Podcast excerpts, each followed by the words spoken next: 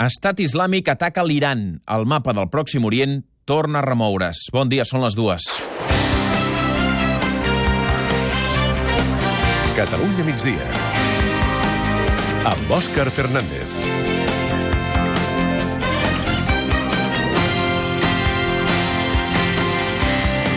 Després de dies i dies de parlar d'atacs d'estat islàmic a centres neuràlgics d'Europa, avui l'organització terrorista ha obert un nou front. Ha atacat l'Iran.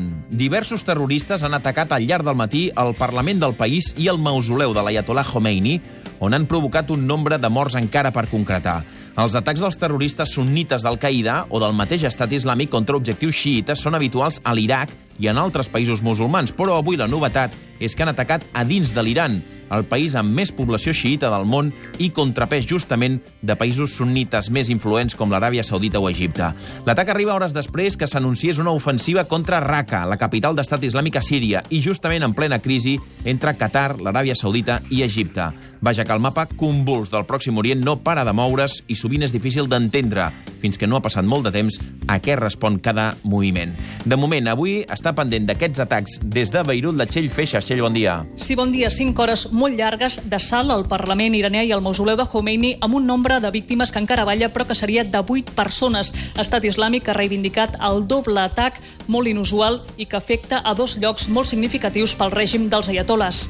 Mentrestant, a Europa continua el recompte de les víctimes dels últims atacs. A Londres, per exemple, avui s'ha trobat el cos d'un ciutadà francès que va caure al Tàmesi durant l'atac de la nit del dissabte. Això vol dir que de víctimes en tenim 8 d'aquest atemptat a Londres. D'altra banda, i deixant el terrorisme de banda, l'actualitat econòmica té com a protagonista avui el Banc Popular, que passa a mans del Santander. El Banc dels Botín es queda al Popular per un euro, però farà una ampliació de capital de 7.000 milions d'euros per fer front a la mala situació que es trobarà. Carlos Baraibar, bon dia. Bon dia. La majoria de clients no han de patir perquè els seus dipòsits estan garantits fins a 100.000 euros. Qui sí que en sortirà perjudicat és qui va comprar accions del Popular i qui en tingui deute subordinat. De l'actualitat política, avui el protagonista és Pep Guardiola. L'entrenador del Manchester City serà l'encarregat de llegir un manifest en defensa del referèndum previst per diumenge, organitzat per l'ANC, Òmnium Cultural i l'Associació de Municipis per la Independència. Serà el primer acte després de l'anunci de la data i pregunta, i les entitats volen que sigui una nova demostració de força. A la presentació de l'acte hi ha anat la Núria Oriol. Bon dia. Hola, bon dia. Les entitats eh, sobiranistes mobilitzen la ciutadania diumenge a Barcelona per demostrar que el govern té el suport de bona part del poble català fins al final, donant per fet que ja sabrem data i pregunta. Aquesta mobilització pren un simbolisme especial davant d'un referèndum que el farà vinculant, segons les entitats, l'actitud perseverant dels catalans. El president de l'ANC, Jordi Sánchez, alerta a l'estat espanyol que els catalans no es quedaran al sofà.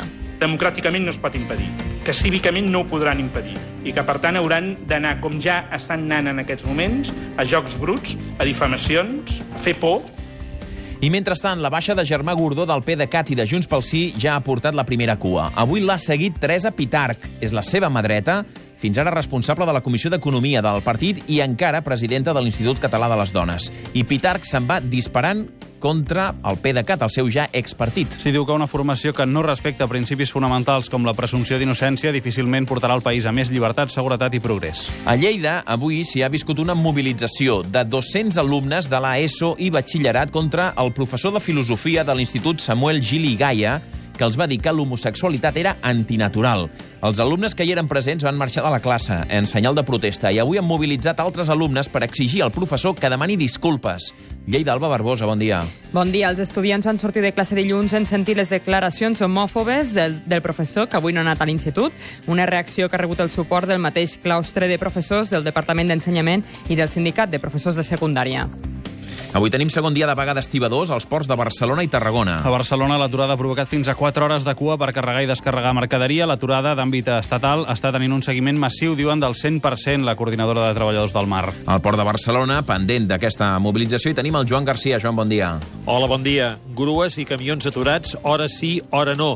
És la imatge d'avui al port de Barcelona on els transportistes són el primer col·lectiu afectat per la vaga d'estibadors. En mi trabajo, porque no facturamos, no trabajamos y no ganamos dinero. Pero yo como chofer voy al tanto por ciento después del sueldo y si no la sacas no ganas.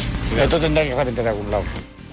I de la cultura avui destacarem dues coses. La primera, la mort de l'actor Francesc Luchetti, als 72 anys. Un dels seus últims papers va ser el d'en Mauri, a la sèrie de TV3 La Riera.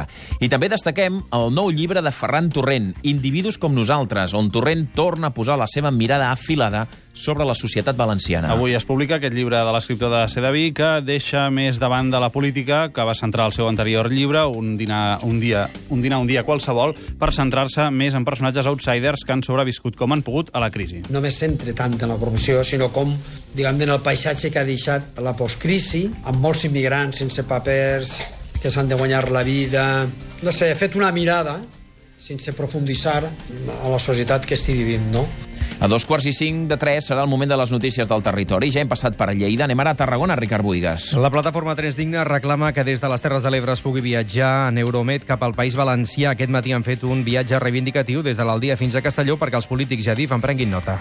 Seguim per Barcelona, Quim Balaguer. La Plataforma per la Qualitat de l'Aire reclama que s'avanci el veto als vehicles més contaminants que està previst que entri en vigor el, el 2019 a Barcelona i l'àrea metropolitana. També demana que les mesures previstes s'apliquin tot l'any i no només els dies d'episodis forts de contaminació. I avui acabem a Girona, Fèlix Martín. S'acaba la gratuïtat dels pàrquings que hi ha a prop del centre de Girona. S'hi vol implantar una tarifa tova de 2 euros al dia, 1 euro a la nit. Un dels primers on es podria aplicar és a l'aparcament de la zona de la Copa, de gairebé 500 places, situat entre el Parc de la Devesa i el Barri Vell. I després de les notícies pròximes, quan faltin 20 minuts per arribar a les 3, serà el moment de l'actualitat esportiva. Robert Prat, bon dia. Bon dia. El Barça de bàsquet canvia el projecte, perquè Barzocas només ha durat una temporada. Una temporada només. El Barça ha anunciat que Barzocas no continua com a tècnic del Barça. Nacho Rodríguez passa a ser el màxim responsable de la secció a nivell esportiu i també de gestió. El club encara no té nou entrenador. S'està treballant per buscar nou tècnic. Dominic Thiem elimina Djokovic. Quarts de final de Roland Garros. Rafa Nadal també passa a semifinals per la retirada de Carreño. La presentació del Gran Premi de Catalunya de motociclisme, que encara s'està fent en aquests moments, el podeu seguir per streaming a catradio.cat, serà un altre dels temes de què parlarem als esports de Catalunya migdia.